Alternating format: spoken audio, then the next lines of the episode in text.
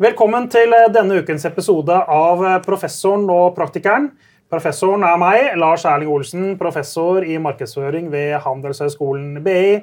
Og ved min side står Alf Bendiksen, mangeårig bransjeveteran og grå i håret. Og nå leder i konsulentselskapet NSB eh, Marketing Best Marketing Best Practice. Practice. Det der NSB i hvert fall. God reklame er ofte et resultat av eh, god innsikt og forståelse av kundene, og en god forståelse av hvordan samfunnet fungerer. Men eh, tradisjonelt har ikke alle reklamebyråer basert seg på å hente inn og systematisk innsikt. Det har ofte vært eh, kanskje mer magefølelsen og hva som til enhver tid har vært det man har trodd på i byråene. Og Noen har til og med hevdet at å hente for mye innsikt det ødelegger og dreper kreativitet. Det kan jo kanskje være et poeng i det, da teft og naturlige instinkter ofte er det som kjennetegner den fødte reklamekvinne eller reklamemann. Men er dette generelt sant? Den samtalen skal vi ta i dag i Professoren og Praktikeren, og vi har invitert inn kreativ leder i Tante Randi reklamebyrå, Tore Wold, til en samtale om dette. Så velkommen, Tore. Takk. Tusen takk. Du, ja. um, trenger reklamebyråene egentlig innsikt, eller lages reklame best uten uh, for mye data? Um, ja og ja. Ja, så bra. Da avslutter vi denne episoden med professor Jo, men man trenger åpenbart eh, innsikt, og det hemmer litt med litt for mye data. Ja. Uh, og kanskje samtalen handler om hva innsikt er, eller ikke er, ja. i den sammenhengen. der sånn, fordi jeg, bare disclaimer, jeg har jo min erfaring og jobbet i så og så mange byråer. Jeg har jo ikke denne brede erfaringen av hvordan analysebyråene jobber. og hvordan byråene egentlig jobber. Men i min erfaring så føler jeg at det ordet innsikt er litt sånn som ordet eh, bærekraft eller kreativitet. Det brukes i forhold til konteksten og personen og situasjonen man er i. Og ergo litt sånn vanskelig å skjønne hva det egentlig man mener. Mm -hmm. uh, så for meg, da, og hvis jeg kan snakke for meg, ja. så er data en helt annen ting enn innsikt. Eh, data og fakta og statistikk og ønsker og drømmer og sånne ting. Det er akkurat det. Mens innsikt er jo en måte å ta tak i alt det på og lage en eller annen form for liksom, mm. problemstilling eller løsning. eller hvor skal vi med dette? på en måte. Så altså, data, data, er råmateriale, mens innsikten da er det massert og knadd og dratt til noe som kan brukes? Ja. ja. Ikke sant? Og hvis det er god innsikt, hvis man kan bare hoppe i bukk og si at det finnes det, så er det jo veldig, veldig viktig og hjelpsomt for uh, spesielt kreatører, sånn som jeg uh, representerer, for å lage god kommunikasjon. Hvis det er data, altså statistikk, som tolkes som sannheter og fakta, og dette må du bare jobbe etter, så kan det være litt ødeleggende. Ja. I mange tilfeller så føler jeg statistikk nå skal, Ta f.eks. mediebyråer. da, at de er gode på å si at statistikken sier at denne måten er det folk ser på dette, denne kanalen. Så etter så og så mange sekunder så må vi gjøre ABCD. Det viser statistikken, så vær så god, gjør det. Det er ikke innsikt. Nei. Det er statistikk. Den gjelder kanskje ikke fra person til person, fra oppgave til oppgave. Den gjelder kanskje sånn totalt sett historisk sett, så det er viktig å ha det med. Men det er også viktig å stille spørsmålstegnet hvorfor er det sånn? Mm. Og det føler jeg kanskje er innsikt, når du stiller spørsmålet hvorfor er det sånn, og så bruker du data, fakta hva, hva enn det måtte være, til å prøve å komme opp til et resonnement som kanskje gir deg noe innsikt. Ja. Gir det mening? Ja, det gir veldig mening. Ja. Hvert fall For en akademiker som meg så gir det masse mening. Ja. Uh, det er liksom, Empirien er én ting, men tolkningen og analysen er en annen sak. Men kan ikke du gi eksempler da? Har du noen gode eksempler på hva som er god innsikt? Bare så vi skjønner det litt mer. Nå er, jeg synes det var en veldig god forklaring, men det er greit å skjønne det litt sånn praktisk òg. Kan jeg bruke liksom eksempler fra min eget uh, Hva du vil. arbeid? Ja. ja. okay. Ta gjerne noen kundehemmeligheter. Det er fint. Vi ja. liker det. ok, så uh, Et eksempel som jeg liker å bruke, for jeg synes det er et godt eksempel, uh, oppgave vi hadde for uh, Utdanningsetaten i Oslo. Ja. De hadde en messe på Spektrum som heter U-messa. Mm. Så kom det en slags pandemi som la en stopper for det. Pandemi, en liten pandemi som ødela for det. Og så var oppgaven ta altså flytt denne messen over på en digital arena. Og da er spørsmålet mitt er sånn Hvorfor det? Jeg skjønner hvorfor det er sånn rent praktisk. ikke sant? Fakta tilsier at vi kan ikke være her lenger. Men er du sikker på at det er den beste løsningen for denne målgruppen? Er det riktig å putte den på en digital arena, og er det riktig å ha en UMS i det hele tatt? på en måte? Så kan du bruke liksom innhenting av data til å finne ut hvordan er det du forholder deg til en messa, hvordan har det funket i fortiden, har vi noen kvantitative undersøkelser som sier liksom, har det vært noen spørreundersøkelser, bla, bla, bla, bla, og så snakker vi med en del ungdom som finner at det, nei, den har veldig liten verdi, fordi informasjonsmengden er for stor, og den er vanskelig å fordøye, ergo så sliter de med å gjøre et valg. Ok, Så hva er egentlig liksom, innsikten da? Jo, de klarer ikke å velge. Ja. De trenger ikke mer informasjon, de trenger hjelp til å velge. Ja, og hvordan skal vi hjelpe dem å velge? Da ikke sant? Og da må du dykke ned i det som vi liker å jobbe med, er da drivere og barrierer. egentlig. Veldig enkelt. da. Hva er grunnen til det, da? ikke sant? Og i det tilfellet her så fant vi ut at det var mange grunner til det. Men én veldig sånn tydelig grunn for oss det var foreldre. Stigma, også foreldre. Fordi hver gang vi snakket om hvorfor ikke sant, vil du ikke gå med magen for du er 14 år gammel, liksom, hvor ofte har du jo valgt noe i livet sitt aldri utover liksom skal ha en kirkelig eller en liksom, vanlig navnefestkonfirmasjon. Ja. hvordan, får jeg pengene mine? Så For første gang så skal de velge, og da er jo foreldrene viktige. Men foreldrene putter stigma på barna når du spør det litt. Og så spør du foreldrene er du opptatt av å være en god støttespiller for barna dine. Ja, jeg er en god støttespiller for barna mine. Her er jeg først og fremst det. De får lov å velge. Det var det alle foreldrene fortalte oss. Barna sa er ikke noe sånn særlig tvil om mamma vil at jeg skal velge. og da hadde vi sånn, ok, da har du et datagrunnlag som gir deg en potensiell løsning. Hvordan kan vi løse det problemet? Jeg kjente meg veldig igjen nå, ja. med en datter på eh, 14 15, snart 17. Ja. Perfekt. Hun kunne sagt det. Men, men, men, men da kommer ikke Utdanningsetaten med innsikt til dere. Nei. Men de har en problemstilling, og så begynner dere. Det er helt riktig. Og det kan jo godt tenkes at her er det jo selvfølgelig veldig stor ja. praksis. Men vi har i hvert fall likt å tenke at jeg har ikke så lyst til å motta innsikt, jeg har lyst til å motta datagrunnlaget. Og så kan vi se hva som fins der av potensielle mm, muligheter for å komme opp med en innsikt. Fordi det, kan, det er så fort at det er forurensa når du begynner eh, innover. Eh, og man har noen ønsker og noen drømmer og noen behov og noen ting som ikke er innsikt. på en måte. Eh, og så tenk, tenker man at kunnskap og informasjon er innsikt, og så syns ikke jeg at det er det. Det er bare grunnlaget for det som kan bli innsikt. Ja, så, så innsikt for dere det er liksom det å ta alle dataene Dere lager, henter ikke dataene selv, Jo, men dere noen- gjør det jo? ja. Okay, ja, men dere har for masse data, Ja. og så er det den prosess som foregår. Men, du, men hva bruker dere innsikten til? Altså, hva er, hva er liksom, hvor kommer deres value added inn som reklamebyrå? Kanskje sånn i ytterste konsekvens å gjøre den handlingsbar. Altså gjøre den eh, til et, et punkt der hvor all dataen blir til et eller annet ting vi kan liksom bruke den til, enes om. Og det måtte, For vår del så er det jo selvfølgelig en kreativ prosess. Vi er veldig fokusert på det. Eh, Vi er jo et absolutt et kreativt byrå. Så når vi henter inn innsikt, eller bruker innsikt, så gjør vi det mot et punkt i tid hvor vi skal til slutt lage kommunikasjon mot noen. Ikke sant? Så vi skal, det, og for å få til det, så kan ikke vi ha innsikt som er Innsikten vår er det beste stedet å være kunde. Det er ikke innsikt for det første, eh, og det er mer en drøm enn noe annet. Men ikke så uvanlig type input du får. Eh, Da må vi prøve å snu det heller mot hva er det målgruppen tenker og syns, og hvordan er det virkeligheten de er i. Hvordan er den? Hvordan, og hvordan befinner du deg i dette virkelighetsbildet? Og jeg mener at alle annonsører som er gode, sånn som eh, ja, vi har sett her på denne podkasten, har jo peiling på liksom, hvordan er de posisjonert. Jeg vet ikke om jeg kan bruke posisjon lenger. men det kan dere. Jeg bruker det, men okay. Alf kan jo ha Ja, har du unike merkevarer? Altså, alle disse tingene er sånn, de skal de ha greie på. mental tilgjengelighet også greier. Ja, alt det der greiene der som ikke jeg skal uh, stille streng på. Det snakker jeg om en annen Ja. episode. Det mener jeg de må ha koll på. Det er Vår jobb er å ta og omsette hva enn det er for noe, til hvordan er det denne målgruppen skal bli motivert til å gjøre den handlingen du vil.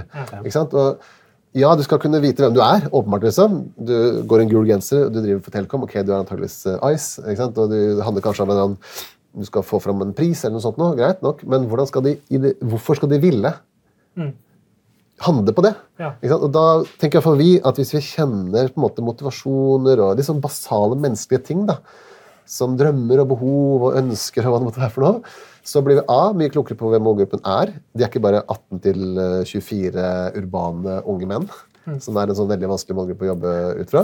De har disse motivasjonene og disse drømmene og disse behovene. Og det trenger vi metodikk for selv, opplever jeg, for å få til.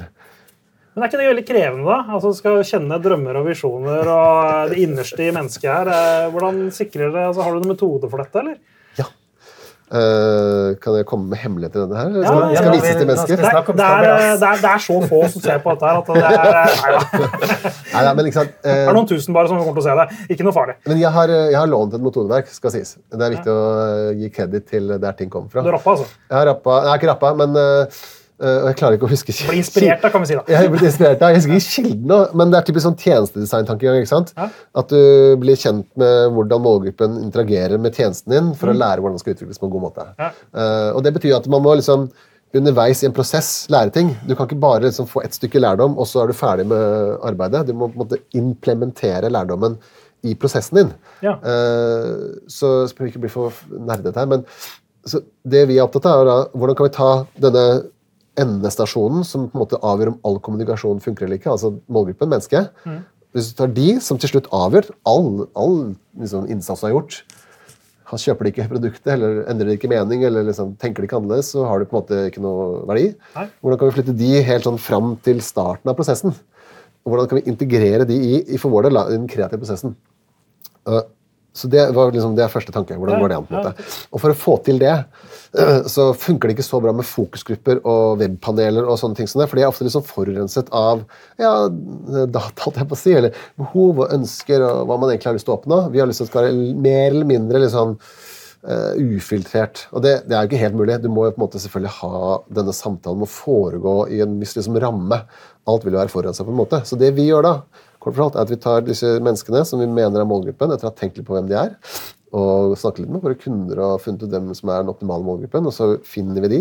Vi liksom går og caster dem mellom det. Ringer rundt, finner folk. Vi, noe, vi har vår egen panel. Noen ganger jobber vi med Norstat, men samme det. Flytter de inn i det vi kaller slabberas, som er en samtale mellom to to mennesker. Så det ene mennesket, det kan være deg, sier Lars, kan ikke du finne en du liker å prate sammen med, som du stoler på, så finner du Alf, og så gir jeg deg en eller annen ramme for samtalen. Jeg er ikke med lenger. Så, så dere som byrå er ikke med i samtalen? altså? Nei, vi er ikke okay. med. Så, vi, og, men, så her er hele clouet er for å få til det, og det er her, kanskje tilbake til første spørsmålet, er reklamebyråer liksom, innsikt videre. Reklamebyråer tror jeg er gode på å tenke empatisk på hvem målgruppen er, og hvordan de skal snakke til dem. Og hvis du tenker sånn i analysearbeidet, så kan du tenke også hvordan blir jeg stille det spørsmålet her? Så disse to menneskene får en jævla god samtale. Så det ikke blir en brukerundersøkelse, for det har ikke noen verdi. Nei. Og jeg vil gjerne at du skal si ABCD, men det kan jeg ikke spørre om, for da har jeg allerede liksom putta ord i munnen på dere. Så jeg må putte denne, dette spørsmålet i en, en slags smart kontekst, som dere kommer til å prate om sammen, og så hører jeg etter. Sier de noe av de tingene jeg har Så dere lytter på samtalen, eller? ja, så vi, Alle har en sånn telefon, ikke sant? og så Ja. den er på bordet, den spilles inn, varer sikkert like lenge som denne podkasten her. Eh, blir en god samtale, og så får vi så og så mange mennesker til å gjøre dette. Ca. 10-20 stykker. Og da får vi en slags lag med uh, samtaler Ja. som er noe annet enn når et kreativt team samtaler. Det er en slags eh, observasjonsmetode. da, observasjonsmetodikk på en måte, uten, Det er ikke deltakende observasjon, Men det er en- men det er det det er. ikke sant? Det er jo en intervjuguide, ikke sant? Ja, ikke sant? Så, okay, så, det? Er det en slags form for ja, her, her må noen andre svare på hva Ja, disse tingene egentlig er. trenger ikke så tekniske på det. Jeg er bare nysgjerrig for å forstå. men, men de, de som eh, gjennomfører et intervju, da, Ja.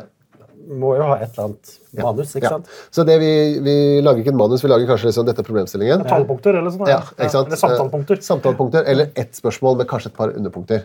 Så lite som overhodet mulig. Ikke sant? For eksempel det jeg sa i stad med denne Finnes good. Ja. Halvtime samtale. ja, jo, jo. Ok, da har du Ja, men altså, det, er- det, er det, er- det er det du mener. ikke sant? Det, er, det er så overordnet at de, de får noen sånne punkter, og så snakk om dette, og, vi, eh, og send inn eh, opptaket. Men hvor mange sånne intervjuer gjør dere da på et prosjekt? Et sted mellom 7 og 13, eh, litt avhengig av. Så, si spørsmål, så det eksempelet hadde i stad var f.eks.: neste år skal du begynne velge videregående. Fortell oss, eller Snakk litt om hvordan denne prosessen foregår i hodet ditt. Uten ordet 'prosessen'. Jeg skulle ikke ha brukt et annet ord enn det. for å være litt smartere. Og Da går man jo gjennom den tankerekka, og så sier den andre personen skal du, Tenker du å velge elektro? Det, det visste jeg ikke om deg, liksom. Å, nei, nei, jeg, nei, jeg skal jo egentlig ikke ikke sant? Så Du hører hvordan folk argumenterer overfor hverandre, og hvilke ord de bruker når de skal presentere liksom, tankerekken sin. Og så kjenner man hverandre. Man er venner, man er kompiser, man er kjærestepar, man er kolleger. Og så er, man, er samtalen drevet av nysgjerrighet og empati, og ikke en moderator. Og Men det er det ikke moderator og empati?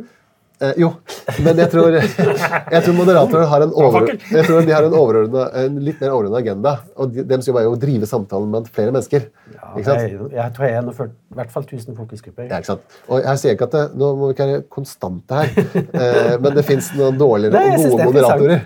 Ja, det er Ja, det er helt forskjell på enig. helt enig. Men, men er, Ja, det, er er reklamebyråer altså Dette er jo litt spesiell teknikk. Eh, Ja. Dere kan det for slabberas. som jeg. Det passer til tante Randi. Og det er jo interessant, men er det, er, Hva tenker du sånn generelt? Altså, dette her er jo ikke måten som analysebyråene normalt jobber. Nei. Bare for eksempel. Verken kval eller kvant jobber de sånn. Nei. Men eh, er dette noe som er reklamebyråene flinkere til å hente innsikt, tror du? jeg tror reklamebyråene er dårlige til å hente den, dataen, og så tror jeg de er bedre til å omsette den til uh, handlinger. Ja, nettopp. Hvis, men hvis disse to tingene er så skilt så, sant? Det er veldig sjelden at analysebyrået bare kommer med her har du 7000 sider med data. Tolk det, du. Det er tolket allerede. Det ligger i noen modeller. ikke sant? Avhengig av hvem du snakker med, så Her om dagen fikk jeg et, et dokument på 101 sider med én test på en reklamefilm med ca. 74 modeller. Og det er vanskelig å måte, forstå det, ikke sant? men det er jo levert. Det er en leveranse. De har fått betalt for det. Det er jobben deres. på en måte. De skal fortolke, de også. Så det er derfor jeg er skeptisk til at man får Her er innsikten. Fordi du har fått noen fortolkninger, og kanskje det var en dårlig moderator og ikke en god en. Og kanskje det var en rommet på den der fokusgruppen som var ekstra tydelig og tok rommet ordentlig. Og det var vanskelig for andre å liksom si hva de egentlig føler. ikke sant? Fordi nå er det litt vanskelig å si det. Eller kunden satt bak kladrepæren og sa Ja, der sa de den gule blussen er best. Få den store jordskyen. Det er det jeg er ute etter. liksom. Du er mer ute etter kanskje å få bekreftet noe. Så Derfor så er man litt sånn, jeg da, i hvert fall litt var på Kan jeg, kan jeg heller lage en prosess hvor vi som byrå mottar data, vi mottar liksom det som finnes av kvantitativ innsikt, og, og klarer å på en måte legge en hypotese om hvordan vi skal tilnærme oss målgruppen i kraft av et slabberas. ikke sant? Ja, ja, Hvordan kan vi ta det dere har her nå, og så spør vi spørsmål som gir mening i en samtale, som ikke handler om produktet, for det er vanskelig å snakke om, men snakker om hvilken verden produktet befinner seg i. Ja, ja, Ok, du selger brus, ja. La oss snakke om tørste eller, ikke sant, Dårlig eksempel, men noe sånt nå. Eller, eller inngangsporten til brus, som Ja, men Alf hadde sagt. Ja, ja, okay. ja. Men, men, men det, er, altså, det å ta dette ut av et laboratorium, da. Ja. Fordi fokusgrupperom er jo veldig ofte hvite med hvite møbler, og man sitter veldig sånn stivt rundt der. Ja.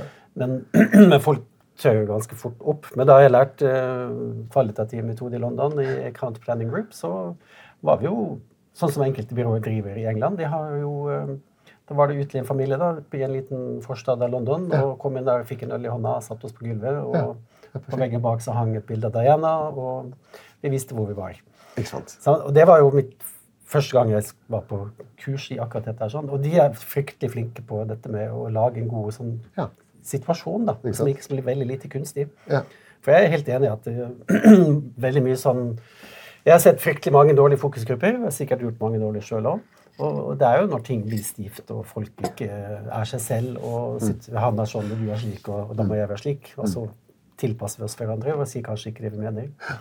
Men eh, at du kommer, jeg skjønner hvorfor du snakker om at vi kommer dypere ned i hva som driver folk. Ikke sant? Men jeg hadde tenkt å, jeg har liksom lyst til å spørre hvor dypt kommer det egentlig? Ja. Eh, Det er jo vanskelig å si.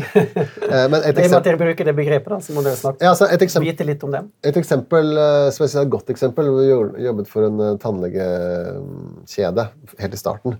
Og så husker jeg ikke helt hvordan vi stilte spørsmålet, men det som var litt det vi var opptatt av, var på en måte hvordan forholde folk, altså hva kan hindre folk til å gå til tannlegen? Åpenbart, ikke sant? Det finnes veldig mange åpenbare teorier om det.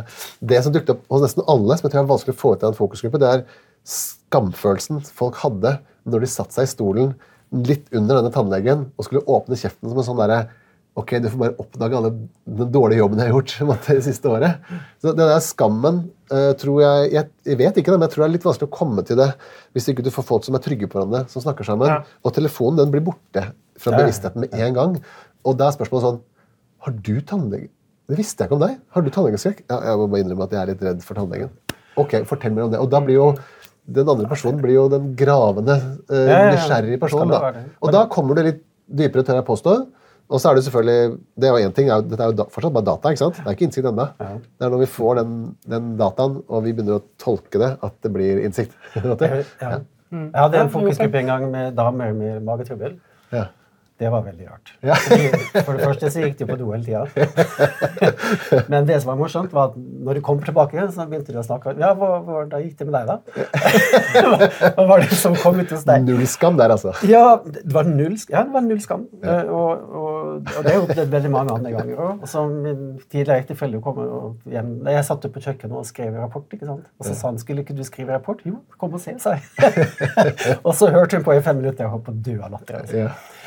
Så eh, jo, jeg tror nok eh, Og jeg begynner dere for å komme opp med en ny metode og, og eh, bringe dette videre og, og komme dypere ned i materie og ikke bare på overflaten. Men det aller meste er ikke det litt sånn på overflaten? da? Jo, det kan du kanskje si. Vi driver med kommunikasjon på mange måter. Uh, så, Jeg kan skal gi et eksempel da, som jeg nevnte for Lars før du kom. Ja. For Jeg jobba med sjampo en gang og uh, hadde fokusgrupper. Og så Jeg kommer jo ingen vei. sant? Hva skal, hva skal du finne ut av? Og så fortalte jeg da den oppdragsgiveren, som da var veldig opptatt av analyser, og så sa jeg til dem at vet hva, jeg kom helt inn innerst i hjertene til de som var med i fokusgruppen. Og de lå over bordet og ventet på hva jeg skulle si. Og så sa jeg vet dere hva jeg fant? Der var det ikke plass til sjampo. Det var- de ble jo ikke så veldig glad. Ja, men Hadde du mye jo oppdrag for den kunden seinere?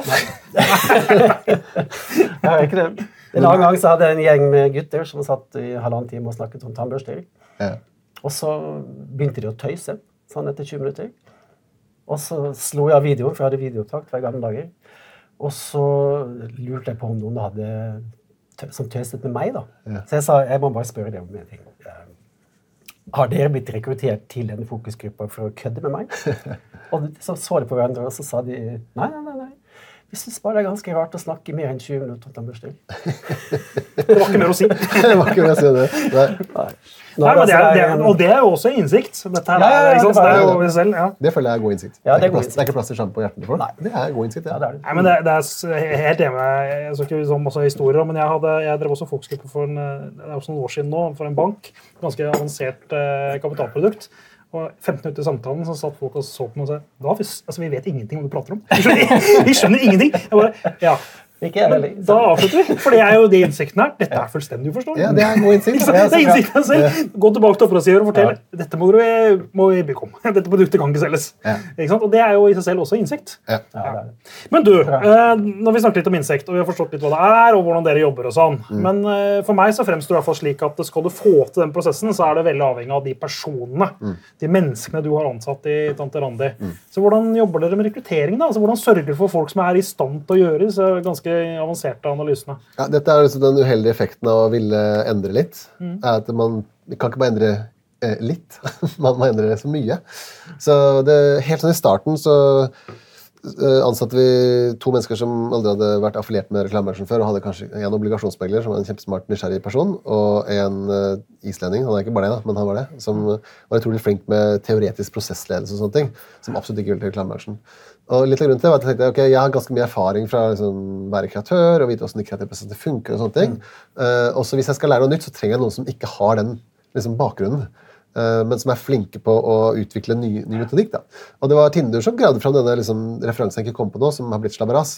Dette med å gjennom tjenestedesign, som kanskje er et sted ikke jeg ville sett, uh, oppdaget en metodikk som er ganske lik dette, men det er selvfølgelig annerledes, fordi det er jo tjenestedesign. Eh, Og det var det første som skjedde. var at ok, kult, La oss bare prøve det. Vi er liksom fem stykker. Vi bare prøver det. ikke sant? Mm. Så gjennomførte vi bra og så var det helt sånn der, for meg var det helt sånn aha-moment. og bare, ok, A.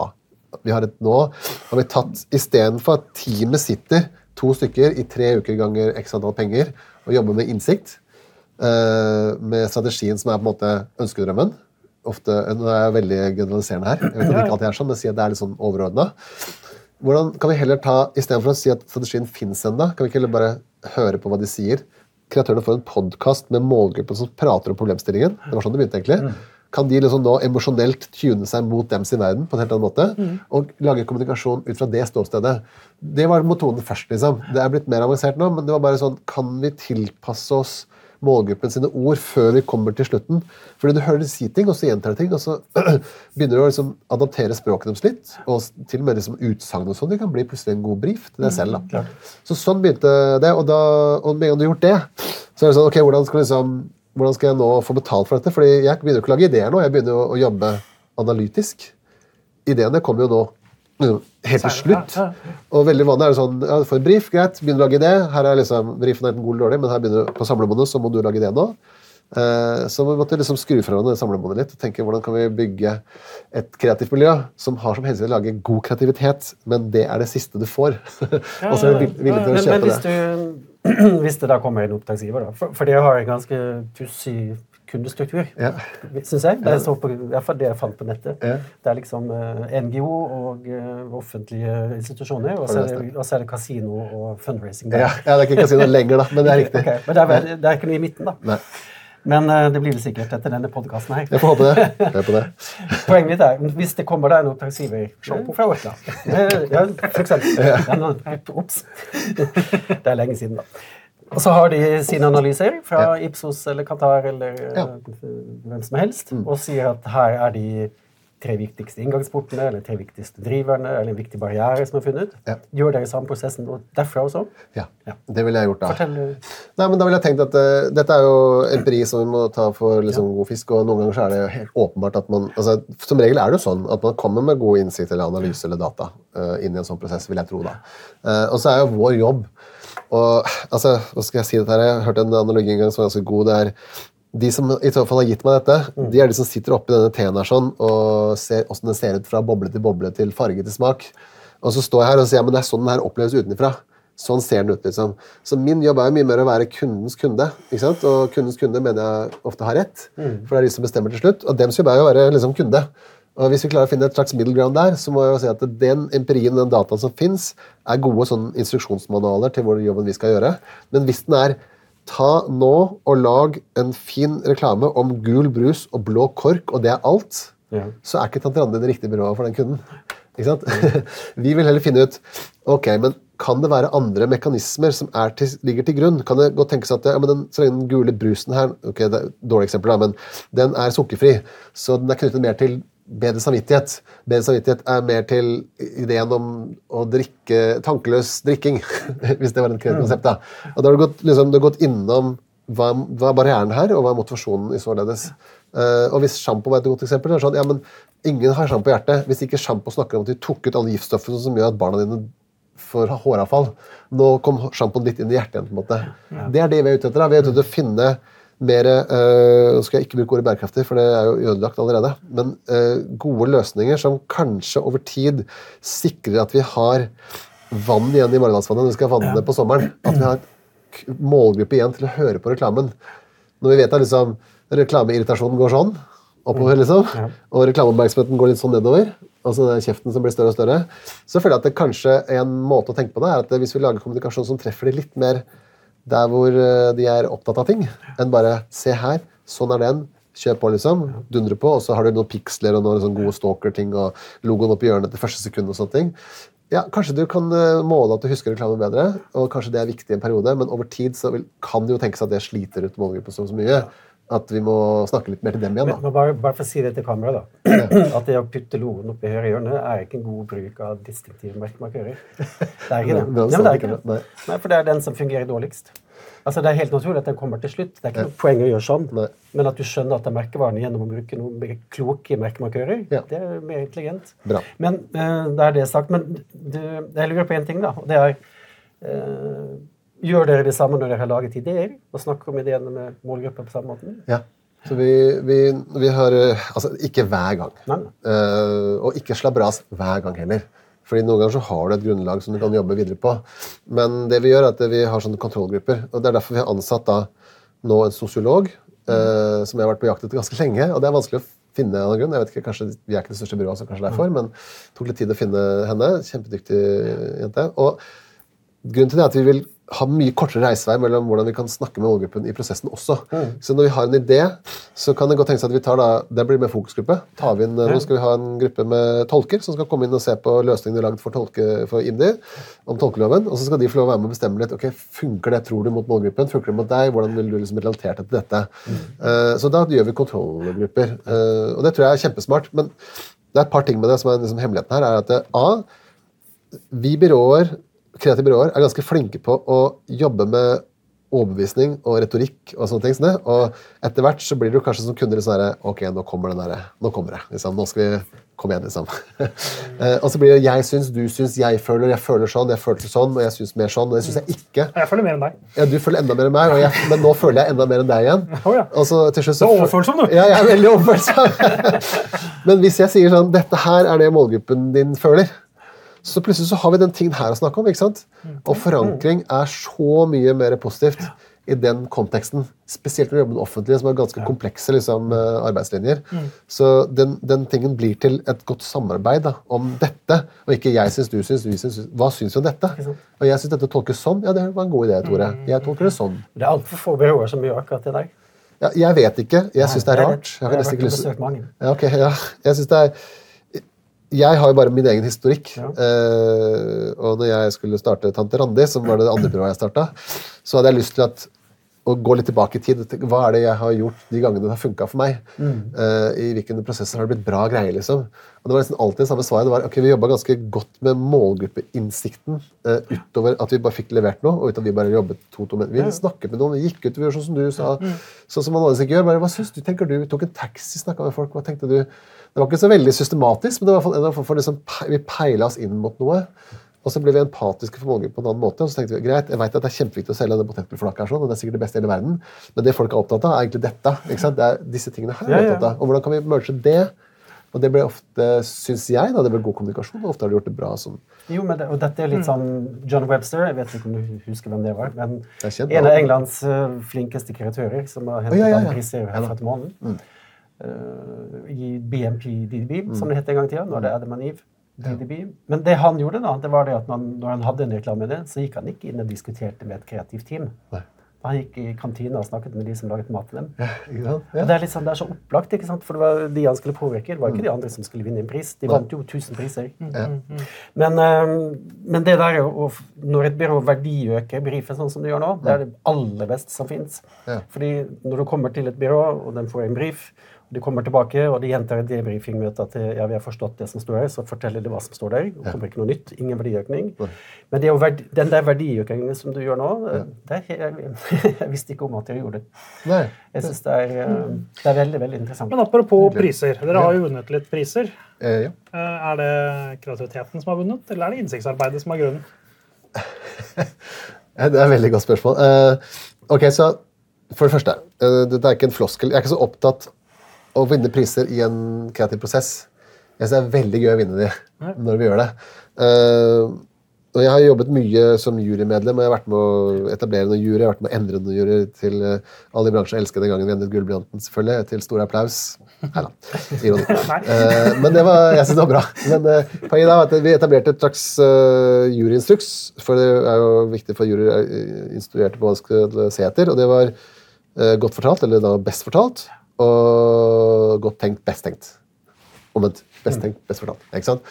Så det derre tenket med å tenke godt i en kategori og forstå liksom hvordan du fungerer i en kategori med andre aktører, og hvordan er det strategisk du burde legge til rette for en god kreativitet innenfor det, den sjangeren, ikke sant? Og, så videre, og, så videre, og ikke bare et grep som er sånn å, Jeg har aldri sett så noe så original bruk av flykaptein før. Den må vinne, liksom. Eh, For å komme seg vekk fra de tingene så var det viktig å liksom implementere en tankerekke hos juryen som handler om hvordan kan dette tankeverket ligge til grunn for denne ideen vi ser her nå. måte, og Så ikke du fokuserer så mye på liksom frisøren på hjørnet. Eh, Og litt samme er det når vi jobber også. ikke sant? Det er, eh, hvordan kan denne problemstillingen altså Dette spør, spørsmålet om hvordan er det, hvorfor er det sånn, tror jeg liksom er viktig for mange kreatører i en kreativ prosess. Og så tror jeg det er også viktig for å komme opp med innsikt. Jeg tror det er viktig, og det var viktig for å lage det byrået for min del også. Hvorfor er ting sånn som de er? Kan de ikke heller være sånn, da? Jo, det kan de, men det er jævla vanskelig hvis du ikke gjør A, B, C, D, F. ikke sant? Eh, Og litt sånn er det å jobbe i det også. Så hvis du er god til å spørre det spørsmålet hvorfor er det sånn, er det egentlig riktig? Jeg hører at oppgaven er å flytte denne messa over på digitalt, men jeg tror det er feil. Jeg tror det riktige er å hjelpe dem å velge. Men sant? Med en gang du klarer det, så begynner du å plutselig vinne priser også. Fordi du har stilt det riktige spørsmålet, og du har framet oppgaven riktig, og det syns helt inn til løsningen. For Du kan ikke få det svaret ja, det riktige er å hjelpe dem, og så vise løsningen at du ikke hjelper dem. Ja, det er jo helt tullete. Det, er- det er jo en morsom film, men det har ikke noe hjelp i nei, seg. er tull, ja. Så løsningen må henge så godt sammen med utgangspunktet for eh, strategien, da, hvis du kan kalle det og derfor så, når de tingene henger sammen Vi har sett at det var sånn og sånn og sånn, og sånn, og derfor så, i vårt tilfelle så lagde vi en person som ikke fins, som var en blanding av masse minoriteter, som ble til mangfold, og som han fikk en CV, og 35 næringslivstopper skrev på CV-en hans at uh, jeg anbefaler mangfold på det varmeste. Uh, uten eh, mangfold hadde vi aldri hatt den kulturen vi har nå. ikke sant? Det var jo ikke bare en kreativ idé, det var en veldig god kreativ idé, men utgangspunktet var folk har riktige holdninger. Det er ikke noe vits i å lage en holdningskampanje om mangfold. Du må lage en handlingskampanje om mangfold. på en måte. Folk vil ikke ha engelsk i lunsjen. Åh, må jeg snakke engelsk? Herregud, så slitsomt. Det kan noen andre ta seg. liksom. Vi har et handlingsprogram der. ikke sant? Så veldig kort det her, Men da var jo det et godt stykke innsiktsarbeid egentlig, som førte til en form for analyse, som ble til noe statistisk grunnlag som kunne bekrefte det. Og så ble det til en en kanalnøytral, uavhengig av kanalidé, som var hvis vi lager mangfold, vi får verdens beste CV, hva gjør vi med den? Ok, Vi kan jo søke jobber, da. ikke sant? Det er en god idé måte å treffe de som skal da kjøpe eller få bry seg om en insentivordning fra IMDi. Så søkte vi altså til en person, så søkte vi 2000 jobber i halvannen måned. Bare søkte, søkte, søkte. søkte. Altså, det var de som gikk inn og til slutt søkte om penger fra IMDi for å ansette mer mangfoldig. Så poenget er bare det tankeverket her sånn, hadde ikke bestemt seg for den løsningen her sånn. Den kom ut av prosessen, på en måte. Og da blir det ofte god kreativitet. Og i det tilfellet da ble sånn, det priser, ja. ble det pris. Den, dette, var eksempel, dette var et godt eksempel på prisvinn. Den vant mye. Den gjorde regn på i gull. Ja, for, dette er selvfølgelig kanskje litt sånn passé, da, men uh, for tidligere så var det ofte hevdet fra fall noen tone- toneangivende folk i reklamebransjen at det å liksom ha for mye innsikt det hemmet kreativiteten. Men det, det mener ikke du. Ikke i det hele tatt. Men det jeg tror det kommer av, det er jo, altså det er jo Du er jo også en type sånn eksponent for metodikk og rammeverk og sånne ting. Og det tror jeg mange kan føle seg hemmet av, fordi de kanskje ikke forstår helt utgangspunktet rundt det. ikke sant? De vil, Dette er min prosess, og hvis jeg får denne inn her, så bare ah, det, det blir tvangstrøye. Nå, og Ja. nå, skal jeg, nå skal alt være gult, liksom. Altså, de forstår ikke så godt hvordan det kan øh, på en eller annen måte verdiøke prosessen. Og grunnen til det ofte er at det, det kommer inn i den samlebåndet litt sånn seint i prosessen. og så nå skal du lage noe kreativt på dette, Tore. Altså, enten så er jeg sånn som bare gjør det, eller så er jeg smart og så tenker jeg, hm, hvorfor, hvorfor det? Ikke hvorfor er det sånn? Og så må jeg snakke med deg, og så må vi finne ut av det, plukke det fra hverandre, og så må det bli til en ny type brief meg. Og da tror jeg mange føler at det, er, det blir en tvangstrøye. Jeg mener dog ikke at det er det, men at vi må være på lag i hvordan vi liksom Ja, jeg dekoder det, er, det er jo interessant at du sier det der med ja, du er sånn rammeverk og ja. metodisk og alt mulig sånt. Men, men det har utgangspunkt i at jeg begynte i en bransje som manglet begge deler. Ja. helt, absolutt ingenting. Ja. Altså, Terje Torkelsen sa en gang at uh, da han begynte i reklamebransjen, så var det en fortsettelse, en fortsettelse av russiferinga. Og, og det gjorde det jo langt inn på 90-tallet. ikke sant? Men så Så gøy! ja, det var jo det. Det var jo ikke, det var, det var ikke krav til noe som helst. Nei. Så jeg, jeg måtte jo finne et eller annet å holde, holde fast i, og begynte å eksperimentere med analyser. Og gjorde masse rare ting som øh, ikke er lov. Um, og så dro jeg til London og oppdaga det som heter Planning, og så skjønte da så jeg liksom lyset. da. Ja. Men um, Og så tror jeg du lagde et byrå som het SLBAP. Og så lurer jeg på du lagde noe som het Adcept eller noe sånt. da? Adexet. Det Adaccept, ja. Som, var, som øh, jeg ikke vet noe om, men jeg tenkte, jeg husker jeg tenkte da er ganske likt det du sier. tenkte, Det var genialt. Det er en slags maskin hvor du putter noe inn, og så kommer det en slags sannhet ut. Ja, så er det masse kaos imellom. Ja det, det, det Og det må det jo være. Ja. Masse tilfeldigheter. Men poenget er at eh, jeg tror jo på prosessen. da. Ja. At uh, du må gjennom dette her sånn. Og kunder som jobber med meg, de kommer på et eller annet tidspunkt og sier at eh, nå skjønner vi ikke helt hvor vi er. Og da sier jeg så fint, da er vi på vei. Og hvis du skal være sikker på hvor du er hele tida, så kommer du aldri av flekken. ikke sant? Nei. Så du, det må du akseptere, at det er litt kaos. Det er kaos og ukjent farvann du skal Ja. tråkke i, og så kan du lære nytt mens du går i det farvannet. Ja. Eh, det tror jeg, altså det spørsmålet ditt er faktisk det er, Nå behandler vi det litt dårlig. fordi det er sånn, Jeg kan forstå det, at det blir en sånn slags debatt mellom et kreativt miljø som på en måte er opptatt av å alltid lage et spisst type kreativt produkt og har en mening om hva kreativitet er, for det er et helt annet ord som er stort. Eh, Og at man har et, kanskje et analysemiljø, et mediebyråmiljø eller lignende miljø som er liksom isolert i kakestykkeverden og skal ha sin del av kaka hele tida. Ja. Og det er det du har fokusert på. at Nå skal jeg ha kaka mi, og nå har jeg tatt den kaka, så nå har jeg målt på disse parameterne, og nå må du gi meg denne logoen jeg bruker som eksempel. Ja. Jeg vet det er et dårlig eksempel. Nå må du gi meg logoen i høyre hjørne hele tida, fordi jeg skal måles på kjennskap. Og så vil en kreatør si men det er ikke mening! sant? Hallo!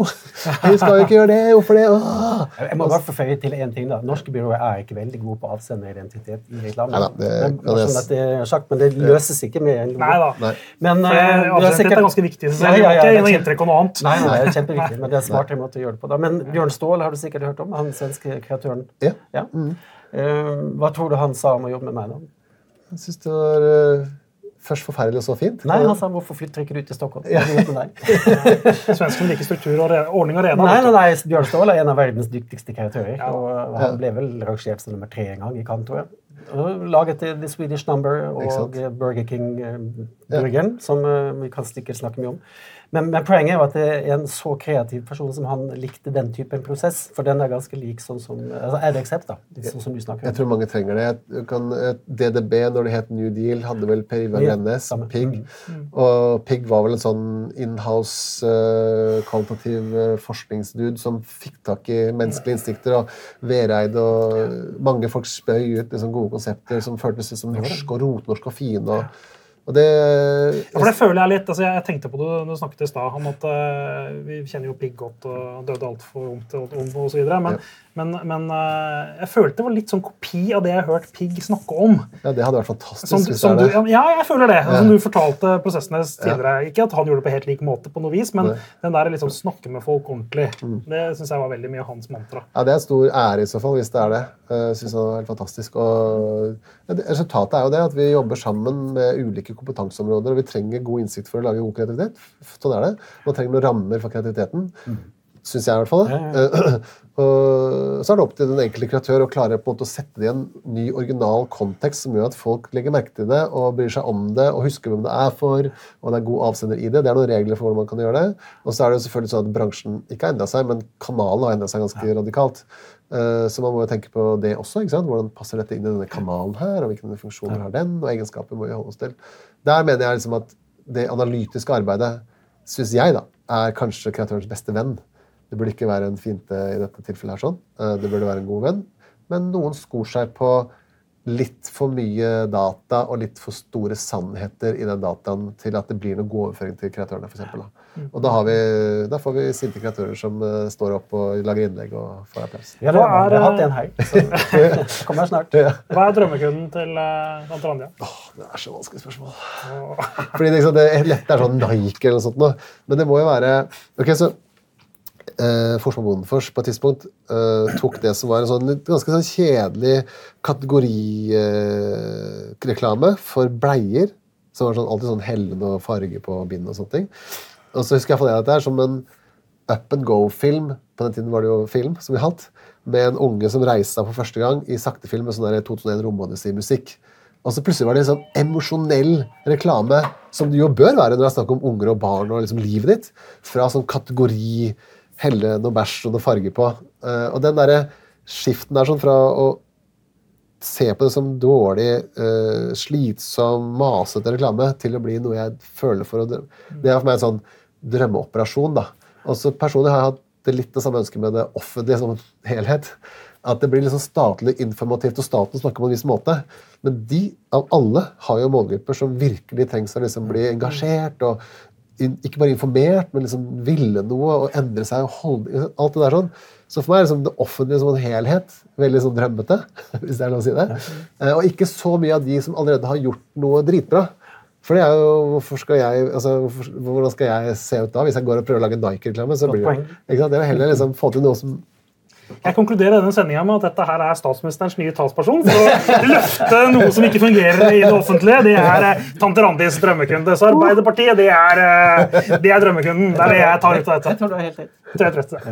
Takk for eh, at du så på, kjære lytter eller seer, for denne episoden av Professoren og praktikeren. Og ikke minst takk til deg, Tore Wold. Hva var du? Daglig leder, kreativ sjef. Kreativ leder er du i Tante Randi reklamebyrå.